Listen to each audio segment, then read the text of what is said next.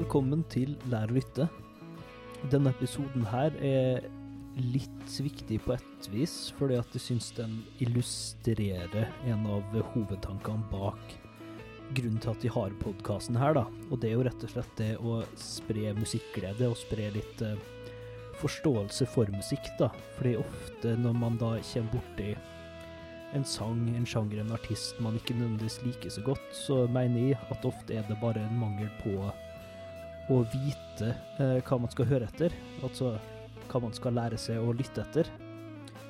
Og eh, i tilfellet her da, så skal vi snakke om hiphop, som er en sjanger spesielt da innen min musikalske oppvåkning, eh, om man kan si det sånn. Eh, jeg var egentlig var ganske negativ til da. Eh, men i senere tid har jeg selvfølgelig endra min holdninger litt og blitt en mye mer åpenlytter. Men eh, jeg har jo fortsatt ikke kommet i nærheten av eh, noe som helst eh, som kan beskrives som en hiphop-superfan eller noe sånt. da. Eh, Jeg driver jo også ikke med noe særlig musikk som er i nærheten av sjangeren, så det er jo greit å ha noen som har et dypere forhold til det. Og med meg i dag da, har gjesten Vegard Møller, som hvis man kjenner han, så kjenner man nok han mest som verten av podkasten Skråblikk, som er en politisk-filosofisk podkast og stream. Eh, Han har også vært eh, redaktør i Studentavisa Unikum, det er der jeg ble helt med. Og eh, han liker jo å prate mest om andre ting enn musikk, men eh, det er jo litt digg å få lov til å prate om musikk òg. Han er jo også en proffpodkaster, så han eh, kan jo snakke mye. Så episoden ble litt lang, så jeg har valgt å dele den inn i to. Og jeg håper du følger med på Lær å lytte Instagrammen, fordi der har vi jo gitt dere beskjed om eh, musikken dere burde høre på i forkant. Hvis ikke, sjekk ut posten, men jeg sier det her òg. Eh, det er jo fire album som omtales i samtalen her. I del én, som du hører på nå, så er det bare to album. Og det er da Reasonable Doubt av Jay-Z og The Marshall Matters LP av Eminem. Eh, videre i neste episode, som kommer ut om en uke, da, så skal vi snakke litt mer om eh, Kanye West og Kendrick Lamar. Um, og da albumet My Beautiful Dark Twisted Fantasy og uh, Good Kid Mad City. Uh, vi hopper jo litt inn i episoden her, altså. Um, også på hiphop-historie og litt sånne mer generelle ting før vi hopper inn i albumet spesifikt, da. Men jeg håper det er en nyttig samtale. Jeg syns det var veldig gøy. Og eh, tenk på det her litt som på en måte Litt tesen av det jeg har lyst podkasten skal være, da. Eh, det skal jo være å lære folk å lytte, og her lærer jeg meg sjøl å lytte. Ja, da ses vi på den andre siden. Vi lyttes.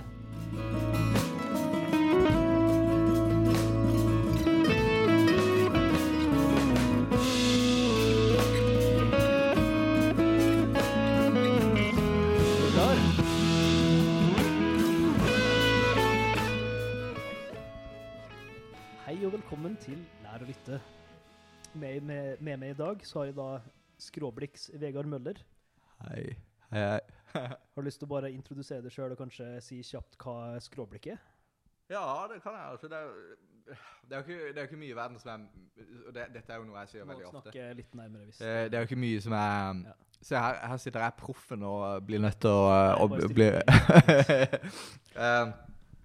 Jeg sier vel ofte at det er ingenting som er vanskeligere eh, eller mer ubehagelig enn å prøve å introdusere seg sjøl. Altså det, eh, men jeg heter Vegard Møller, og jeg driver en podkast og stream som heter Skråblikk, som er basically en eh, filosofisk, eller politisk, mest filosofisk, da. Eh, podkast hvor jeg prøver å ta eh, ideer og kanskje på sett og vis dekonstruere de, prøver å få gjøre det mulig å se de litt fra nye vinkler. Altså med et skråblikk. Ja. Et skråblikk, liksom. Det er jo eh, på en måte filosofiens lære å lytte, selv om Skråblikk er jo eldre enn lære å lytte, så Lær deg å tenke. ja, lær deg å tenke og lær deg å orientere deg i dagens utrolig interessante, rare politisk-filosofiske kultur. Ja. Men i dag skal du snakke om musikk, Ja. Eh, og da spesifikt hiphop. Eh, Det er jo en sjanger som sjæl har ikke så veldig mye forhold til det egentlig. Mm. Så eh, her blir jo da Adrian lærer å lytte til hiphop ja. på et vis, og da får jo dere lyttere et perspektiv på hvordan de tilnærmer med musikk som er litt mer ukjent. Jeg har hørt litt på hiphop opp igjennom, men uh, ikke sånn supermye. Men vi kan kanskje starte med hvordan uh, du da begynte å høre på hiphop. Og ja, hvordan eh, Altså, her har vi en fyr fra Holmlia og en kristen eh, gutt fra eh, Vennesla. Hvordan begynte den kristne gutten fra Vennesla å høre på hiphop, og ikke, ikke bygutten fra Holmlia? Det blir gøy. Ja, det, det er egentlig en interessant måte å sette det opp på. Uh, uh, jo, jo, la, la meg sette i gang her. Uh, hvordan, hvordan begynte det? Altså, når jeg var, da jeg var yngre, altså sånn åtte-ni år, så hørte jeg mest kanskje Jeg var veldig glad i Elvis, fordi min far var veldig glad i Elvis. Og så hørte jeg på sånne sanger som jeg hørte på Idol. Uh, og så fant jeg de etterpå. uh, liksom, så Ja. og Kurt Nilsen og Kjempebra. Uh, men, men, men samtidig Jeg hørte, jeg hørte litt på, på alt sammen. Altså, jeg ble introdusert for hiphop opprinnelig via liksom, mine barnevakter, som på veldig uansvarlig vis satte på MTV. Uh, noe jeg tror i hvert fall ikke foreldrene mine ville likt, med tanke på at MTV på den tida var enten uh, liksom sånn divaer som var veldig sånn lettkledde og alt det der. Uh, liksom, se for deg år 2000, verste epoken for musikk ever, ikke sant? Eh, du hadde det, eller så hadde du liksom disse boy, boybandsa. Eh, og så hadde du noen sånne veldig kule gutter med masse damer i musikkvideoene sine, liksom. Uh, og det var typisk Eminem og etter hvert 50 Cent rundt på den tida. Så jeg husker at jeg bare syntes de var veldig kule, uten at jeg på en måte begynte å høre sånn uten videre veldig mye på de. Uh, jeg tror det var egentlig rundt um, eh, Rundt da jeg var kanskje tolv eller noe sånt, at jeg begynte å ta ansvar for, for min egen musikksmak i større grad. Jeg var nok seinere ute enn mange andre som uh, sikkert uh, lasta Same her, egentlig. Var, eller, da jeg begynte å spille gitar da jeg var 11, var da jeg aktivt begynte å leite etter uh, en egen musikkidentitet. da. Så Kjempebra at du sa, at det at jeg begynte å spille trommer, det hadde garantert en del med dette her å gjøre. Um, jeg, eh, jeg begynte å spille trommer da jeg var kanskje 11 eller 12 eller noe sånt. Eh, og så husker jeg Jeg husker at sånn en intuisjon som jeg hadde, som satt bestemt bak i hodet mitt, uh, var dette med at jeg syns vers var veldig kjedelige. Jeg skjønner, hva, hva vitsen med Versene de er liksom bare der, sånn at vi kan ha en pause mellom refrenget, for du kan ikke ha refrenget hele tida. sant? Eh, men så var det et eller annet med uh, når Eminem ga ut uh, When I'm Gone, og første gang jeg hørte den live på TV. Eh, så var det, bare, det var bare et eller annet eh, Jeg kommer aldri til å glemme bare hvordan det fanga meg på, på en sånn helt unik måte. Uh, I henhold for det første til dette med verset. For det her er jo en sånn sang hvor du jeg, jeg tror jeg memoriserte hvert eneste ord, bortsett fra refrenget. Refrenget det lærte jeg meg aldri. Jeg lærte meg bare alle de andre ordene. ikke sant? Uh, men så jeg tror noe av, det som, noe av det som slo meg med akkurat den låta, er en veldig emosjonell uh, låt til dattera hans, Uh, hva For det første dette med tanke på mm, trommer. Uh, hvordan uh, Eminem bruker stemmen sin som percussion, perkusjon. Eller hva er det nå ja, altså det er en veldig rytmisk Mm. Stemmen blir et rytmeinstrument nesten i seg sjøl. Så det var til og med sånn at om ikke jeg hadde forstått lyrics, da, så er det noe, noe ganske unikt med det. Men, men også bare eh, Jeg føler i hvert fall at eh, siden den altså, siden den tid og senere, så, har, så føler jeg at eh, rappere kommuniserer via låta direkte, til og med på en måte som ikke andre artister klarer å gjøre. Eh, så de, de aller beste de klarer bare å skape den følelsen av at de bare snakker rett til deg. Jeg, sier ordet 'snakker', og jeg tror det er det at rap er så tett opp til dette med, med å snakke. Det er bare Det er bare noe veldig autentisk i den overføringa av tanker um, uh, som, som ikke man kan få helt Som, som ikke er får helt annen musikk. Ja, altså det er, jo, det er jo tydeligere hva noen mener når de uh, skriver et vers om det, enn når de spiller en jazzsolo om det, ikke sant? Og til, til og med andre rocktekster også. Men hvis, hvis, hvis jeg ser på andre ting jeg liker, så liker jeg altså Bob Dylan veldig godt. Og, og, og det er sikkert av veldig mange av de samme grunnene. Eh, hvis jeg ser på mine favorittsanger utenfor hiphopen, så er det gjerne eh, låter ofte, gjerne, ofte innenfor rock, men også andre steder, som, som er veldig tekstfokuserte. da. Ja, ja. Eh, Tekstfokus er jo en viktig del av eh, å lære å lytte til eh, mm. Vi burde ha en sånn drikkeleik hver gang vi sier 'lære å lytte'. Hver gang vi sier 'lære å lytte'. Men jeg måtte jo lære meg å lytte til det, for Ja. så vidt. Det måtte jeg, ja. Ja. Tok det tid? Ja. Um, til å begynne med så, bare, så likte jeg nesten ba, altså, Så var det Eminem som jeg bare virkelig likte. Uh, men så Så, uh, så prata folk om Altså, altså med alle, alle disse andre rapperne. Uh, og, men det tok lengre tid. Det tok lengre tid. Men så jeg tror noen av de første, hvis jeg husker tilbake, var kanskje, kanskje Nas var den andre rapperen jeg virkelig begynte å, å lytte til, og kanskje Tupac også. Jeg husker jeg, jeg lasta Jeg skulle laste ned I Can. I know I can Nei. hva er det? Nei, jeg kan ikke, dessverre. Be what I wanna be. Er, eh, men så fant jeg aldri den på LimeWire, så da ble det Life's a Bitch. Åh, LimeWire. Nå, eh, nå, eh, nå avslører vi hvor gamle vi er, men eh, ja, LimeWire. Det er gode, gode gamle før Spotify, folkens. Og, og, og Life's a Bitch, den er så Den er så syk. Jeg vet ikke, det er, faktisk var det jo spesielt det første verset til som heter AZ, som for så vidt nesten bare er kjent for det ene verset på Ilmatic. Eh, men, men, jo, jo så, så mye av det som gjør Mye av, det, eh, mye av denne prosessen med å lære seg å forstå NAS, for eksempel, er å forstå masse begreper og metaforer. Ja, vi, vi, vi kommer tilbake til lingo Ja. etter hvert, for det, det har mye å si. Um, men jeg lurer bare litt på, har um, sånn, Du har jo da hørt på hiphop eh, en god stund nå. da. Altså, Hvordan er ditt forhold til hiphop nå, kontra eh, de eh, mer eh, rebellaktige ungdomsåra? da? Ehm, Har det endra seg? Eller? Ja, det har, eh, jeg har utvida som alle andre, liksom, til å høre på, på mer, mer andre ting. Så liksom type Kanskje mer sånn indie-rock eller klassisk rock er kanskje nummer to for min del. Men hiphop, da? Altså, Betyr hiphop noe annet for deg nå, eller? Er det fortsatt det samme? Å um, jeg tror nok at i, stor grad så er det, Altså, tenker du hva er Altså, jeg føler jo at jeg har utvikla meg litt med tidene. Aldri vært en av de som uh, er spesielt negative til nye former for, uh, for hiphop. Eh, så, så på sett og vis, etter hvert som spekteret har Etter hvert som du har fått grupper som Migos, for eksempel, de forandrer jo ganske mye til at du i dag har veldig masse rappere som kanskje har et navn som begynner på Lill, eller hva det måtte være, som, som ikke er særlig fokuserte på teksten nødvendigvis. De er kanskje mer fokuserte på, på flowen, dette liksom, som vi var inne på, med å liksom bruke stemmen som et instrument, litt som percussion, ikke sant?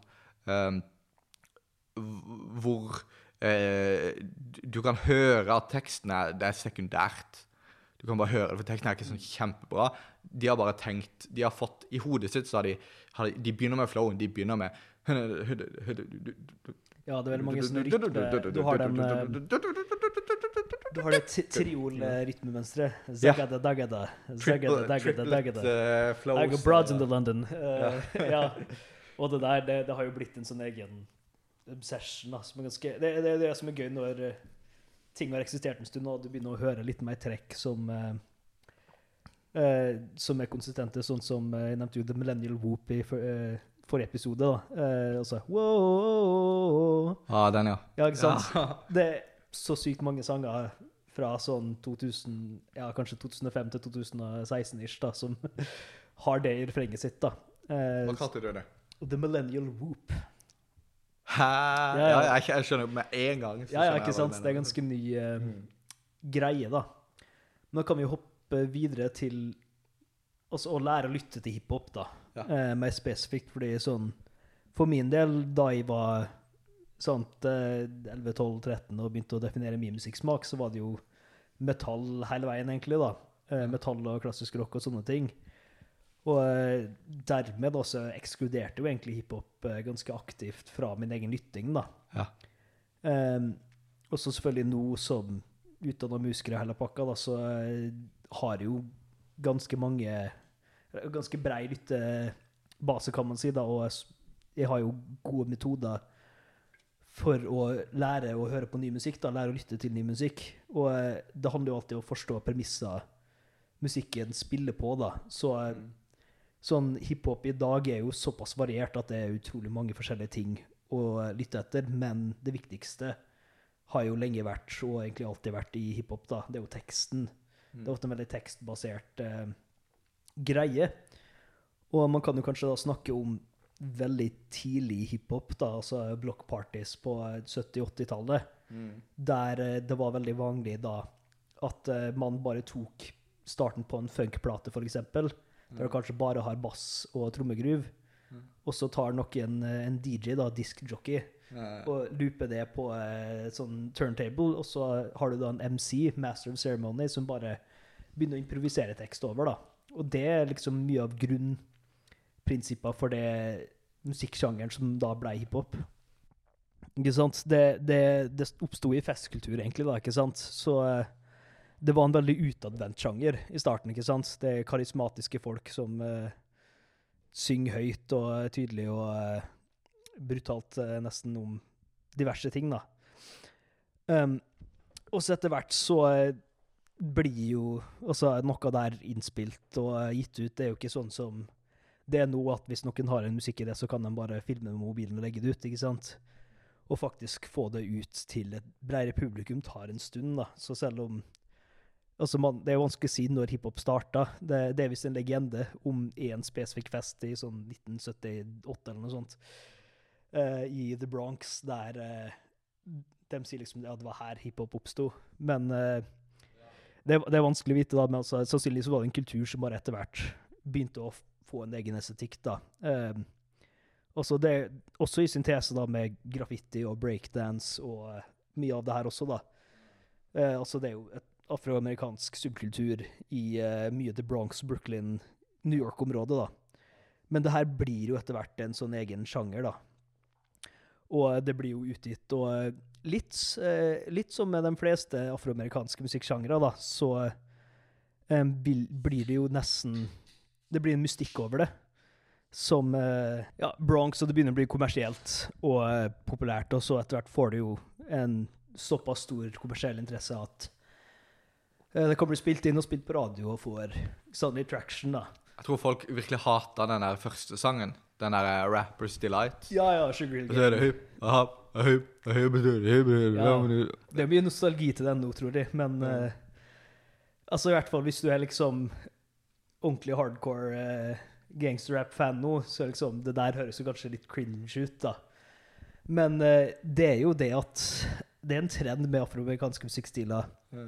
Om det var jazz, om det var rock'n'roll, om det var blues, at det ofte den mildeste, mest hvitvaska, rett og slett, da, varianten på tida som får bli innspilt og eh, også sett offentlig på radio, da, ikke sant? Ja. Um, men også etter hvert så får Det her vokser jo, da. Mm. Og eh, sånn eh, Når man skal lære seg å eh, lytte til hiphop, da, så må man jo også skjønne, skjønne subkulturen og premisser der spiller seg på. Så vi kan bare gå litt inn i en del lingo som er viktig å kunne. da. Vi snakka jo om MCs og DJs. Det er jo dem som da lager Mm. tekstene og musikken, eller beatsa, som det også blir kalt Ja, ja. veldig ofte. Og eh, sånn som jeg sa, at de looper ofte starten på en funkplate eller noe sånt. Altså de tar eksisterende musikk og remixer det, egentlig. Og det heter da sampling.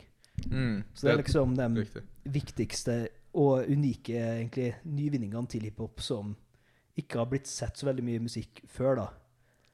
Du har jo avantgarde eh, klassiske komponister på eh, ja, si 60-70-tallet sikkert, da, når musikkteknologien um, å utvikle seg, at man har jo en form for sampling og sånne ting, men ofte er det en innspilling komponisten sjøl har gjort, da. Det- Så, så eh, måten det blir brukt på hiphop, er ny, da. I Det, er noe veldig interessant med det sosiologiske i alt dette her Mm. også, da, med hvordan, Ja, ja. hvordan, eh, eh, hvordan i disse nabolagene med underfinansierte skoler hvor ikke de har råd til instrumenter, Ja. eh, så er det noen som bestemmer seg for å bare mikse noen plater. og eh, rappe over, som er det letteste du kan tenke deg å gjøre. ikke sant? Og, Ja, ja. Så det er en sånn demokratisering av musikken som, som gjorde det mulig. Det, det, det er jo starten på eh, det vi har i dag, at liksom en, av vårt, altså en av dagens største artister, Bill Eilish, ikke sant? Eh, først da debutalbumet, som har jo fem Grammys, er det vel, er jo spilt inn i soverommet til broren hennes. Ikke sant? Og det kunne man ikke gjøre før. Nei. Men det kan man jo nå, da. ikke sant? Så hele den æren her av tidlig hiphop, så er det jo veldig mange DJs, produsenter, sånne ting, folk som lager beats, um, som bare samler seg opp en liten samling med musikkstyr av det musikkutstyr som de har tilgang til. da. Uh, Yamaha DX7 heter vel et keyboard som ble ganske mye brukt. Så du kan kjenne igjen liksom trommelydene fra det spesifikke keyboardet Ah, på sykt mange plater, og nå eh, et vintage keyboard fra den æraen, da. Selv om det egentlig var et billig drittkeyboard på tida. ja. Det koster jo en formue nå, ikke sant? Ja, ja, Fordi at det er den faktiske lyden folk, eh, folka der brukte, da. Cool. Det er, veldig, det, det er jo en veldig teknologisk kobling her, da, ikke sant? Ja, ja. At du har uh, turntables og muligheten til å loope ting, og du har sant, eh, synthesizere og sånne ting som er mulig å få tak i, da. Og det gjør at eh, altså, hvem som helst kan sette seg ned og lage musikk, da. Mm. Og da får du den historiefortellinga etter hvert, ikke sant? Før de sa at uh, det er altfor mange folk som lager podkast, Mm. så sa de at det er altfor mange folk som rapper. Ja, Det er Soundcloud-rappere. Det. Det er så lett å rappe. Bare, bare sende det rett ut. Og det, det er jo lett å starte å rappe, men det er ikke lett å gjøre det bra. Nei. Eh, Det er ikke? Eh, det, det tar jo tid. Um, så jeg prøvde meg på, på rappene var sånn her, Mm. 20 med noen kamerater. Vi holdt på i flere måneder. Først etter det eh, så fikk jeg faktisk en helt ny respekt faktisk for hvor utrolig vanskelig det er. For at uh, man er ganske dårlig uh, en god stund. Jeg tror aldri vi ble gode. Men ja. Ja, ja. ja nei, det er altså å faktisk eh, bygge seg opp en god flow, da, som det heter, ikke sant? Og det er jo Ja. Hvordan hadde du definert flow? Ja, ikke sant. Jeg tror ofte så eh, I, i den her gode gamle boka How to Rap, så deler de uh, rap skills inn i tre deler. Som er lyrics, flow og delivery. Jeg tror kanskje det er litt utdatert. Men uh, jeg tror flow er noe man kan skille litt fra delivery med at uh, flowen er rett og slett bare melodien på hvordan, hvordan ordene liksom treffer hvordan, hvordan ordene treffer beaten, eller hva enn det måtte være. Så enkelt og greit bare melodia, melodien. Mm. den er jo selvfølgelig prega av ordene. Det kommer du jo ikke innom. Uh, mens deliveryen, der kan man kanskje blande litt gjerne, men da, da tenker jeg det er, det er tonaliteten. Det er liksom sånn, sånn det er hvordan kamelen kan ha ganske dårlige bars av og til, men han bare kan bare rappe de med den sykeste selvtilliten, som gjør at Ja. det bare funker uansett. Og så har han noen Det er et syke utrolig linjer av og kjent til. eh, Hva- Miles Davis-sitat her, Ja. um, som er med, Altså, det, det er vel om om å velge hvilken note å spille. Han sier It's 10% the note you play, and it's 90% the motherfucker who played it. Yeah. Ikke sant? Og det, det, er det er det med delivery, da. At, at man kan si noe ganske banalt og enkelt, men uh, hvis en rapper sier det sjøl sikkert nok, og med riktig delivery, da, ja. så har du noe unikt. Og autentisitet. Ja, ja. Keep it real er jo på en måte noe som jeg bare tenkte var litt sånn en joke til å begynne med. Eller jeg skjønte ikke helt hvor viktig det egentlig var. Hva, Mm. hva den greia med hele tida keep it real? Men så har det gått opp for meg at eh, i hiphop kan du virkelig, virkelig gjennomskue eh, manglende autentisitet sånn Ja. umiddelbart. Eh, Like mye som du bare kan spore det i en person når de prater, på sett og vis. Det blir liksom bare Det skinner igjennom. Eh, Man må jo synge om noe man faktisk veit noe om, da, ikke sant? Og eh, i dag så er jo hiphop såpass mangfoldig at det er ganske akseptert å rappe om det man vil, men eh, det var jo en god stund her der Ikke sant Man måtte jo være en viss type, da. Ikke? Så det var jo ofte gangsterrap, som man sier, da. Men det var jo ofte ganske kriminelle folk som skrøt mye om alt det voldelige de gjorde, eh, hvor mye penger de hadde, sånne ting, da. Um, sikkert mye bare for å liksom kanskje legitimisere det at uh, de var noe mer enn bare kriminelle, da. mm. At uh, det er en kunst til det her. Det er en kunst å høsle, det er en kunst å være en gangster, liksom. Det er ikke, det er ikke bare det at man bryter loven eller noe sånt. Da. Jeg tror det var en veldig sånn entitets... Ja. bygde ting, kanskje. Her tror jeg jeg kan skyte inn at det er interessant å analysere det også fra et litt sånn økonomisk perspektiv. Så her kommer det en marxistisk analyse av hiphop. Altså, eh, fordi jeg tror ø, Så noe av det som gjorde at Ice Cube og NWA skilte seg veldig ut, var denne Dette med at de, de prata om bare akkurat hvordan livet, livene sine var. Og så vil folk si at det er glorifisering og hva enn det er, men jeg, jeg vil si det jeg misforstår det ganske mye. Det er rett og bare forteller. fortelle. Dette er det som skjer. Uh, og, men så tror jeg at uh, uh, på et eller annet tidspunkt så jeg vil jeg jo si at plateselskapene hadde betydelig mer makt enn de har nå. Og på et eller annet tidspunkt så ble det veldig mye sånn repetitivt, hvor du har disse liksom Ja, hva kan du si? liksom Rike, hvite mannfolk, mannfolka som har, ser for seg en stereotypisk rapper som bare Og så finner de en som Og han ser ut som han ser ut som han gjør det riktig. Bare få han til å rappe om noe. eh, Money Cash Hose eller whatever. Og så, og så ble det veldig sånn oversaturated og sånne ting, da. Uh, som gjorde at det kanskje danna seg liksom, denne stereotypien om liksom, den harde tøffingen. Jeg tror ikke det måtte vært sånn nødvendigvis, Nei. men at det ble litt sånn. Ja. Og da kan vi jo egentlig bare hoppe rett inn i uh, det albumet vi har hørt litt på, for jeg føler det er ganske kult å nevne Jay-Z her. Ja. Egentlig fordi at uh, eh, Hva heter det albumet vi hørte på igjen nå? Reasonable Doubt, tenker Ja, jeg på. Reasonable Doubt, ja. Jeg blanka et på navnet her. For det er jo hans første uh, fullengte album, da. Og uh, i uh, Wikipedia-lesinga som gjorde i sted eh, Det er jo også uh, releasa på hans eget plateselskap. Ja. Og Jay-Z um, jobba jo hardt for å tjene en del penger Ja. eh, opp igjennom, eh, samtidig som han prøvde å bygge seg et rappnavn. da. Så han hadde jo faktisk muligheten. Eh, han, han hadde jo en platekontrakt, men eh, sånn som du sier, da, han opplevde ikke at han ble tatt seriøst. For han falt, han, falt ikke direkte inn i den der stereotypen som de var ute etter. da. Mm. Og han bare sa, altså De gjorde ikke jobben sin, så han bare starta sitt eget plateselskap, Rockefeller. Mm. Og det er også utrolig Ja, det sier mye om mindsettet, syns jeg, da, at han Rockefeller, som er en ganske kjent, eh, veldig rik familie, Ja. sånn som blant annet eh, grunna en av de største musikkscenene i New York, Ja. Rockefeller Center og sånne ting. Det er en dobbel entendre inni der Ja, og han bare endrer litt på skrivemåten, gjør det litt mer uh, svart. ikke sant? Rock Rock A-fella. Aha. Og rock, det er crack Mm. også. Ja, ikke sant? Mm. Masse lingo her, da. Ja, ja, ja. Og eh, han starter sitt eget selskap og bare produserer det sjøl. Og hiphop er jo Altså, det kan bli dyrt, alt kan bli dyrt, men eh, det er jo mye billigere å produsere et hiphop-album enn et orkesteralbum, f.eks. Det krever Ja. mye mer ressurser. Ja. det. Ja. Så man trengte jo ikke all verden for å få det til, da. Ja. Men eh, det er kanskje da man begynner å få litt mer uavhengige rappere som har sin unike stil, da. Ja, ja, Så eh, du skrev også en artikkel om Jay-Z, ja, ja, ja. eh, som ligger på Skråblikk-nettsida, ja.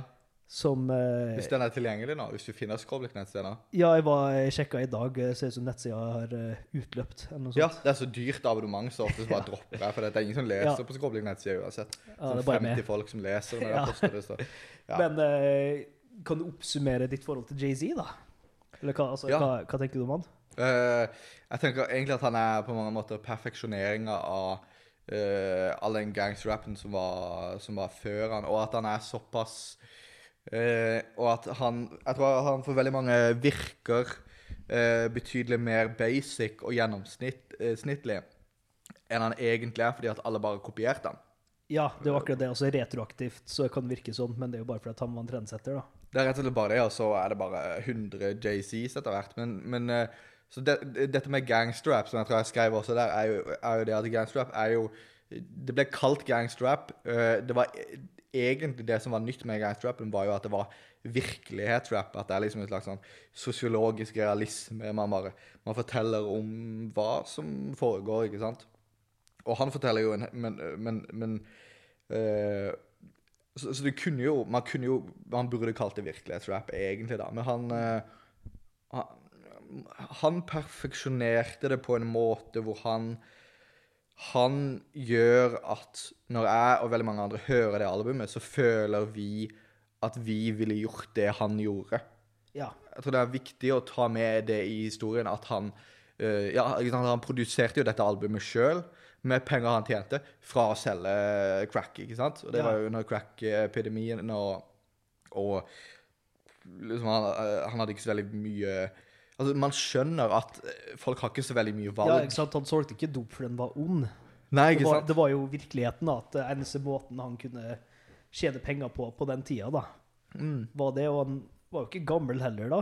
eh, 25 eller noe sånt, tror jeg. eh, Rundt omkring da albumet kom ut. Og, Jeg tror han var 27 i det albumet kom ut. ja, og Um, eh, det var en sånn så liten minidokumentar jeg så på YouTube om albumet òg nå, der eh, Jeg husker ikke hvem det var, men det var noen som også jobb, han jobba med på albumet, da, som snakka om det at Altså, folk fra det nabolaget på den tida, da han var 14, liksom, så hadde de mer livserfaring enn mange godt voksne folk nå, på en måte, fordi at du Ja. har Du har sannsynligvis begynt å søke dop fordi at faren din er i fengsel, og mora di eh, har ikke en jobb. mm. Så du må tjene penger for å forsørge familien. Det er du som må betale leia. Og det gjør du ved å Dessverre er det jo ved å være kriminell, men det var ikke så mange andre muligheter, da. Mm. Men du lærer jo mye av å være en kriminell, da. Ja. Eh, Det er ikke, det er ikke lett å være en eh, doplange som tjener godt, i hvert fall. Nei. Eh, og så han sier jo at Jay-Z dumma ting ned. Det han sa, da. At Mm. Jay-Z sa ta han i bilen en gang. Jeg kan ikke legge på for mye med en gang. Det, folk må bli klare for det. At han rett og slett hadde såpass mye å formidle av alt det han hadde lært da, i løpet av den tida. For det andre, de har jo forberedt på at de ikke kom til å leve forbi 21, sannsynligvis. Mm. Men de gjorde jo det, så da har de jo levd livet sitt på en måte Alle stoppa ut og bare gått for det, da. Så Mm. når han først har kommet til en posisjon der ting begynner å bli stabilt, da, ikke sant, i en alder av 25, da eh, Og da har han jo også, eh, for all intents and purposes, drevet en egen business i ti år, ikke sant. Det er ikke rart at eh, det er en modenhet og en utstråling, og som det også gjør at han kan forklare sin situasjon på, en ganske, på et ganske ekte vis, da. Ja.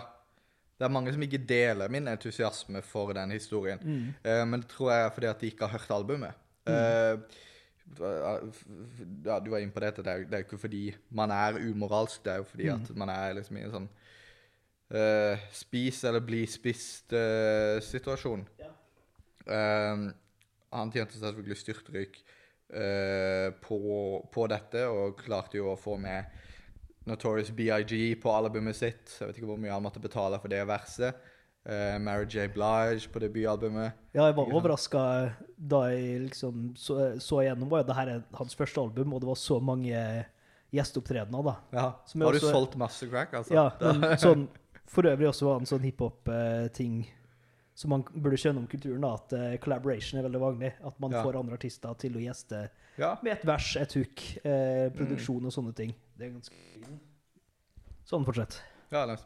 Jeg husker J. Cole sa det før han ga ut et album med, no, med ingen features, så sa han at det er en veldig merkelig forventning dette i hiphop. Det var ingen som forventa at når Michael Jackson ga ut et album, skulle ha et vers fra Prince, liksom. Men ja, det var blitt en sånn, en sånn greie. Men ja, jo, jo men og, og, så, så det som er unikt med, med det albumet, er for det første at det er en 100 ekte historie, hvor han forteller det på en måte som gjør at Mm.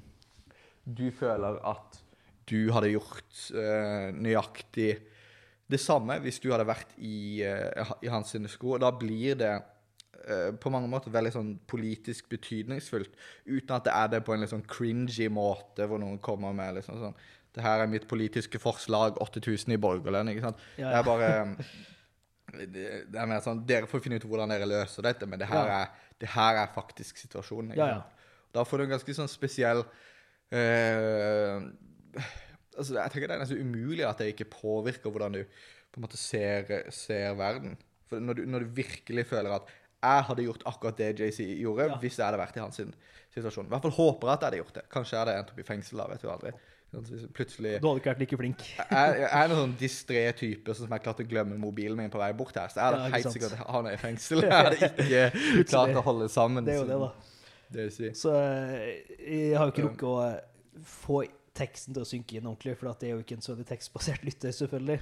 Um, men det som slo meg fra første låt egentlig på det albumet der, er trommelyden. Fytti rakkeren i digge Ja. trommelyden der.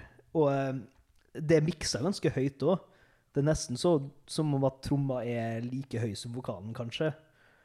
Eh, eh, det blir nesten lagt inn i liksom, lydprogrammet og målt, da. Men Ja.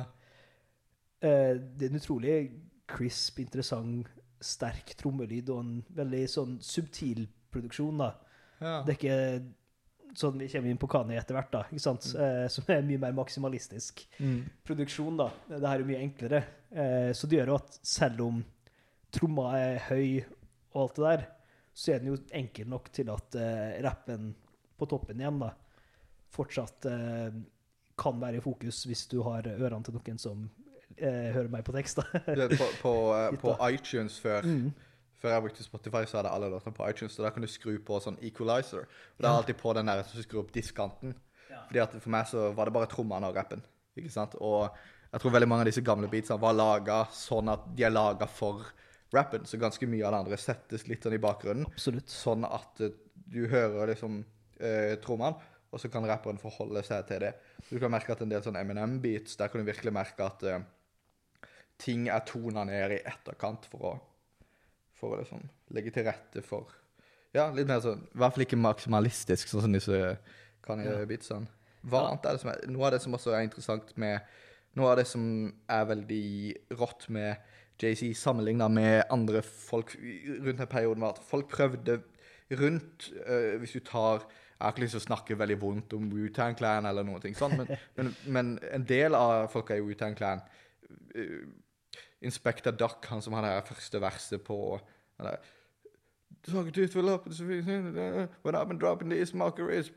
um, Veldig Det er fra the Police der, eller eh, Hva sa du? Nei, det er jo NWA, det. Uh, Hvilken sang er Det det? her er mm, Jeg har glemt hva den heter. Det er en sånn helt drøy musikkvideo med, med, noen sånn bier som tar over en by. Men sånn, poenget er at eh, eh, folk eh, På dette tidspunktet så hadde gjerne Rakim Han hadde eh, revolusjonert rappen veldig mye. Sånn at dette med å ha liksom tolv stavelsesrim Ja. Det ble nesten forventninger. At du måtte, du måtte rime fuckings tolv stavelser. Ikke sånn som på rapprosjektet ditt på ungdomsskolen, når du Ja, eh, tror at en eh, én stavelse bare Øl! Da blir det noe krøll. Så, Ja. det, funker ikke. Du må liksom ha Det er også hvis du ser da altså progresjonen fra Rappers Delight Mm. ikke sant, til Ja. NWA eller eh, altså. Eminem. Og, eh, Yeah. jo så musikalsk. Og, Ja, men den dro du virkelig langt. Det kommer Mm. vi sikkert til. Eh, men JC, han, eh, han, eh, jo, han tok rappen litt i riktig retning med å tone det ned litt, da, hvor på et eller annet tidspunkt så ble fokuset så mye på tolvstavelsesrim, eller hva det måtte være, at du kunne høre at det andre kom i bakgrunnen. Du kunne høre at alt det andre ble sekundært, og da hørtes det ikke like naturlig ut. Så JCs hvis du hører en gammel JC freestyle, så kan du høre at han gjør akkurat den samme greia. Men rundt dette tidspunktet så hadde han lært seg å holde det autentisk og holde det simplistisk, sånn at jeg vet ikke om du visste at hans måte å skrive rap på er, Han skriver jo for, han, skriver, han har omtrent aldri skrevet et ord sånn fysisk. ja, Um, han går som regel bare inn i uh, studio, kanskje med en idé kanskje om hva sangen er, og så uh, Ikke freestyler han et take eller noe sånt, men han tar første bar, eh, eller andre bar, ikke sant, og så venter han. Og så, og så, kom, så han, han går ikke ut før han på mange måter har freestyla hele sangen.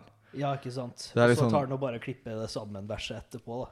Ja, han Ja. har sikkert en fyr som sitter i studio og, Ja, og gjør det underveis. ikke sant? Ja, der, da. Eh, og jeg tror det er noe av det som gjør at det er noe med JC sammenlignet med rapperne før, det som gjør at det er en sånn følelse av autentisitet i det, hvor det, hvor det bare virkelig skinner igjennom at det kommer rett fra hjertet, Så må han bare sitte der og prater direkte til deg. Og sånne ting er litt vanskelig å sette fingeren på, ikke sant? men vi kan føle det. Eh, Mm. Ja, ja. og Det er noe som også er ganske unikt med Jesse, vil jeg si. Ja. Men jeg kan rante litt, eh, litt, litt på eh, det punktet at eh, det har kanskje litt av samme appellen som jazz eksempel har. da. Ja. At uh, det meste av innholdet i en jazzlåt er jo improvisert. Det er gjort i studio der og da, ikke sant? Mm. Og eh, freestyling, selv om sånn Man kan kanskje tenke at ah, det er jo bare lat og ikke skrive ut noe ordentlig og, eh, og bare komme inn og gjøre noe, liksom.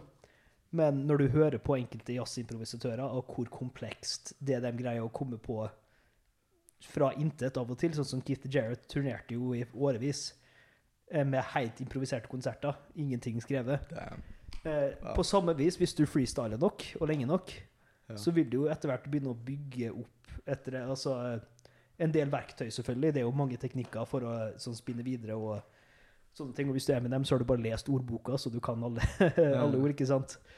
Um, men man kan bygge seg opp det her til et sinnssykt nivå, da. ja. Eh, Hvis det er en, eh, en gruppe som eh, folk burde sjekke ut, syns jeg, da, det er Beardy Man and The Dream Team. Som er Beardy Man er egentlig en sånn Han tar live-looping og sånne ting til et helt latterlig nivå, da. Så han, eh, han eh, looper stemmen sin og lager alle mulige instrumenter og sånne ting ved sånn fire forskjellige iPads som manipulerer stemmen. Så han har med seg en gruppe, da, der han har to rappere som freestyler hele konserten en cellist, en trommis og en bassist, tror jeg, eller noe sånt. En liten gruppe med folk, da. Og så får de bare eh, tema fra publikum, Mm. og så improviserer de hele konserten. Eh, og eh, det er utrolig hvor eh, ordentlig man Altså Ja, ja, hvor mye freestyla rap virkelig kan treffe, da. Det, det er et godt poeng. For det er derfor, det er derfor Mm. JC kan gå inn og gjøre det. Det er fordi at han er så god til å freestyle fra før Mm. at uh, det han gjør når han går inn og skriver, det er jo bare det er som Mm. Når han freestyler, så øver han seg på det han skal gjøre når han går inn der. Ikke Ja, sant? At han bare Veit vet du om han da freestyler litt på konsert òg, når han først har spilt inn et album og skal turnere med de samme Nei, låtene? det tror jeg ikke, nei. Nei. Nei så det, det tror jeg aldri jeg har Så han lærer det i etterkant, da. Hva sa du? Så han lærer det, lærer det i etterkant, på en måte, da. Ja, så han memoriserer sine Ja. låter og sånn, men selvfølgelig så har han jo masse freestyles Ja, ja. Hvor, på radioen og sånne ting, ikke sant? En med Big L, som er litt urettferdig, fordi at Big L har åpenbart ikke Han har åpenbart skrevet det han holder på med. Ja. JC har ikke det, og alle sier Big L bare drepte JC der. Ja. Men egentlig ikke, fordi at uh, du kan høre at J Man kan høre Jeg kan i hvert fall høre når folk freestyler når det er skrevet. Uh, på grunn av noen sånne små pauser her og der som Ja. du merker ikke kan være planlagt. Og det, det er også noe med deliveryen, da, ikke sant? At hvis du er noen som ikke har eh, skrevet noe på forhånd, da, så er du jo eh, ikke nødvendigvis nervøs, da, men du har en helt annen energi når du går inn i det her, da, ikke sant? Om du da bare kommer inn i sonen og er totalt konsentrert, mens hvis du har skrevet det fra før, så kan du jo teknisk sett levere det nesten uten å tenke, hvis du har øvd nok på det, da. Ja. Sånn det, det har jo en, hvis de fremfører noe klassisk, eksempel, at de blekker nesten ut et Ja. par takter, liksom, og så bare, å ja, jeg håper jeg spilte det, jeg spilte de siste ti sekundene bra. Lose yourself in the music. Ja, ikke sant? Og eh, det er jo noe å si for eh, sånne sjangere òg, ikke sant? Altså, selvfølgelig det å øve inn noe og skrive noe og bruke lang tid på det, vil jo gi et helt annet resultat enn å freestyle.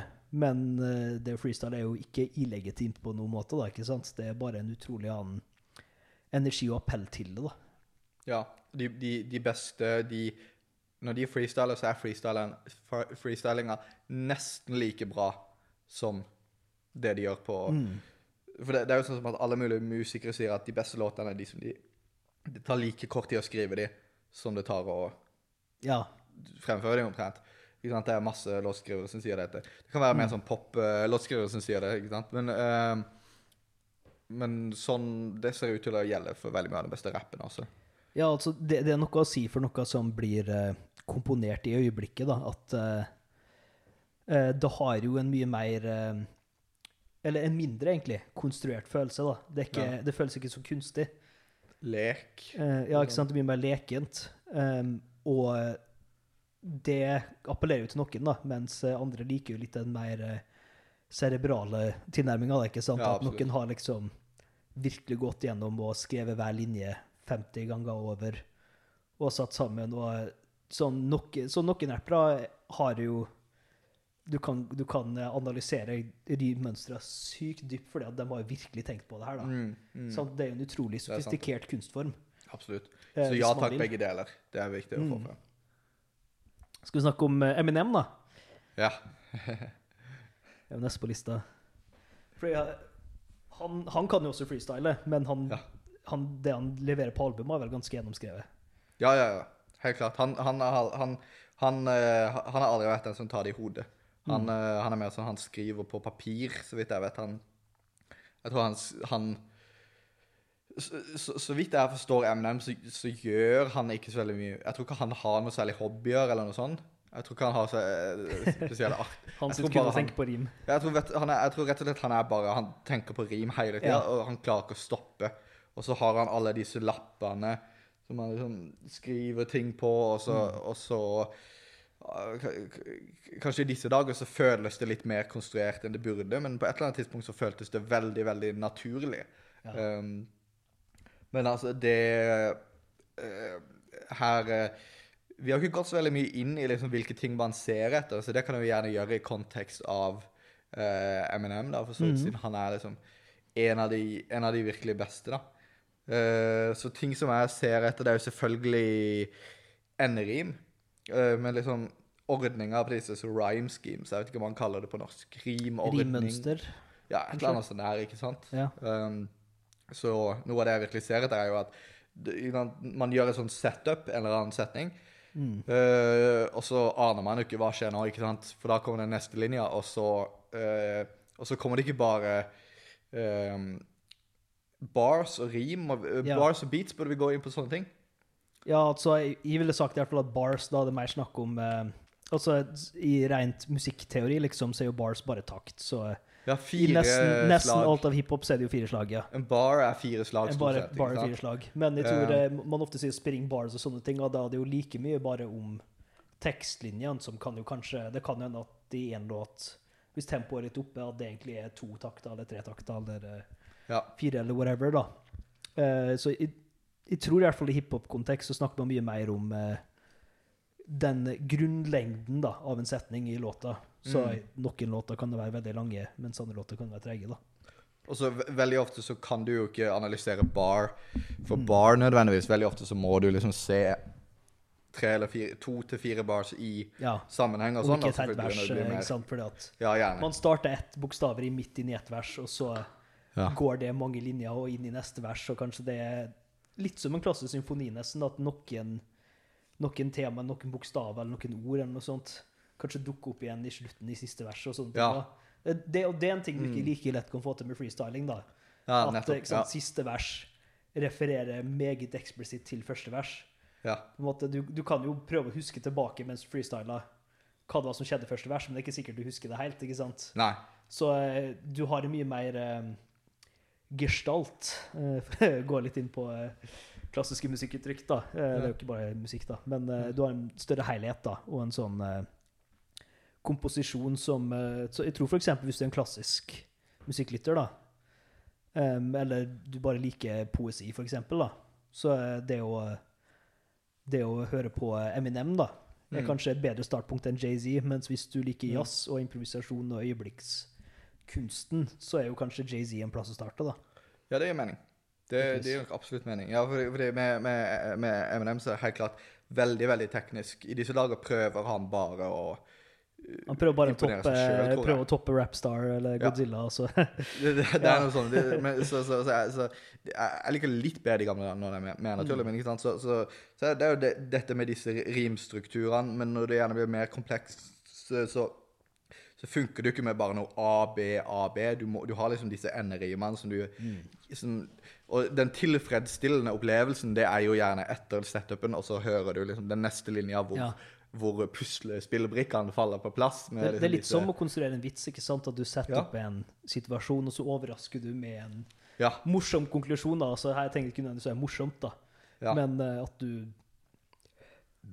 Ja, rime, da, er jo det som er gøy. Og ja. du har kanskje ett ord i huet, men uh, altså Eminem som kan ordboka, ordboka utenat, kommer på et annet ord, da, ikke sant? Ja, det er noe av det beste, hvis noen klarer å t- lure deg til å tro at det kommer en bestemt uh, rimstruktur. Mm. Altså, du, du har jo liksom enderimene, og så har du de interne rimene inni Ja, ja. der. Så det, i virkeligheten så blir det jo ofte liksom en sånn derre C, B, eller Ja, du har hele alfabetet. ja, sånn ja, ofte, ofte, ikke sant? Så Ja. ofte kan du Du har kanskje sett sånne rhyme scheme-videoer. Ja, ikke sant? Det er den fargekode Ja. ja, ja. Og du vil hvis du tar, tar en låt som Det er jo ikke fra Mathers LP, men fra Lucius så vil du se at uh, mer eller mindre 90% av alle stavelsene i den Ja, ja. låta ri, rimer på Ja, ja. noe. Der du blir hele tida overraska. hver stavelse betyr noe. Ja, måte, ja i det, det, det er ikke noe tilfeldigheter der. Ja, ja. Og sånne ting legger man ikke merke til med en gang man hører den låta. Nei, nei. Eh, kanskje man legger merke til at det er sånn tilfredsstillende på en litt sånn anti-OCD-aktig måte i bakgrunnen der. det er nesten noe man kan eh, innta mer passivt enn aktivt. For hvis du lytter Mm. aktivt, så hører du kanskje mer bare etter Og hvilket ord er det han sier nå? Og du Mm. prøver bare å få handlinga i det. Mens hvis du lytter tilbake og bare nyter det litt mer passivt, så hører du kanskje bare mer sensasjonen, eller flowen. Eh, Mm. da rett og slett av Å ja, men her har du mange ord på så mange stavelser, eller eh, du har liksom Og den bokstaven der skjedde mye nå, eller eh, Ja. Man kan sette pris på det på et, et annet nivå, da. En artig anekdote som er en jeg bodde med, som sa at han likte egentlig ikke så veldig godt rap, men han likte veldig godt Eminem. Ja. Og en annen fyr som han hadde sett et sted. Og han var her bare dritgod, og sier han, så kan han vise Ja. meg det, og så hører jeg det, og så er jeg bare sånn Bro, det er bare en som rapper like fort som Eminem, liksom. Ja. Uh, Ja, andre like fart. Er- Eh, og da, da går det jo opp for meg at oh, her har jeg lært meg over så og så mange år så har jeg lært meg å passivt legge merke til alle mulige rimstrukturer. Så Ja. uten at jeg tenker over det, så er det sånn Jeg er veldig i det, men så hører jeg det, og så, og så, så, så i Etter setupen så er det som om jeg ser for meg Når jeg da hører de nye lydene, så hører jeg OK, han treffer der, der og så tre- tre- jeg vet, nå, nå bruker jeg hendene mine til å vise. Ja, ja. Ikke Men, men så, så det er enderimene og de interne rimene, og så er det bokstavrim, som jeg syns er jævlig tilfredsstillende. det, det er jo nivå til det her, ikke sant? Og eh, sånn som eh, For eksempel hvis vi snakker om jazz igjen, da, så hvis man aldri har hørt på jazz før, så høres det ut som bare mye random stuff som skjer, ikke sant? Men etter hvert som du blir kjent med jazz, så er kanskje første steg å memorisere melodien til låta, og så kan du høre harmonikken i melodien gå igjen i soloen. Mm. Og så hvis du hører litt dypere, så ok, ja, men det er en akkordprogresjon under melodien her. Og i den fleste jazzlåter så er jo det de gjør at de bare tar akkordprogresjonen, spiller den igjen, men spiller noe annet oppå. Improviserer noe oppå, ikke sant? Og eh, etter hvert, når du virkelig begynner å bli kjent med jazz, så kan du begynne å høre liks og melodier og ting som den utøveren her har eksempel plukka fra en annen jazzmusiker, eller fra jazzhistorien, og sånne ting. Og etter hvert så vil du begynne å høre det er litt mer dekonstruert, da, ikke sant? Jo mer du eh, lærer, da. Ja. Så jo mer du lærer å lytte til en sjanger, jo mer kan du sette pris på, da. Og det vil jo også gjelde hiphop, så enkelte rappere egner seg jo kanskje bedre til en overfladisk lytter, da, ikke sant? At eh, det er mye mer flash, ikke sant? Mm. Det er jo imponerende å høre eh, Eminem rappe skikkelig fort. Du klarer ikke å få med det ordet Nei. på første lytt eller andre lytt, men det er stimuli i seg sjøl, bare det at han rapper fort, da. Hvis du er full nok, så er han fyren der på YouTube like bra. Ja, ikke sant? Hvis du er full nok, eller du ikke ja. har peiling på hva du skal lytte etter, liksom, så er det akkurat, eh, så er det akkurat like bra, ja.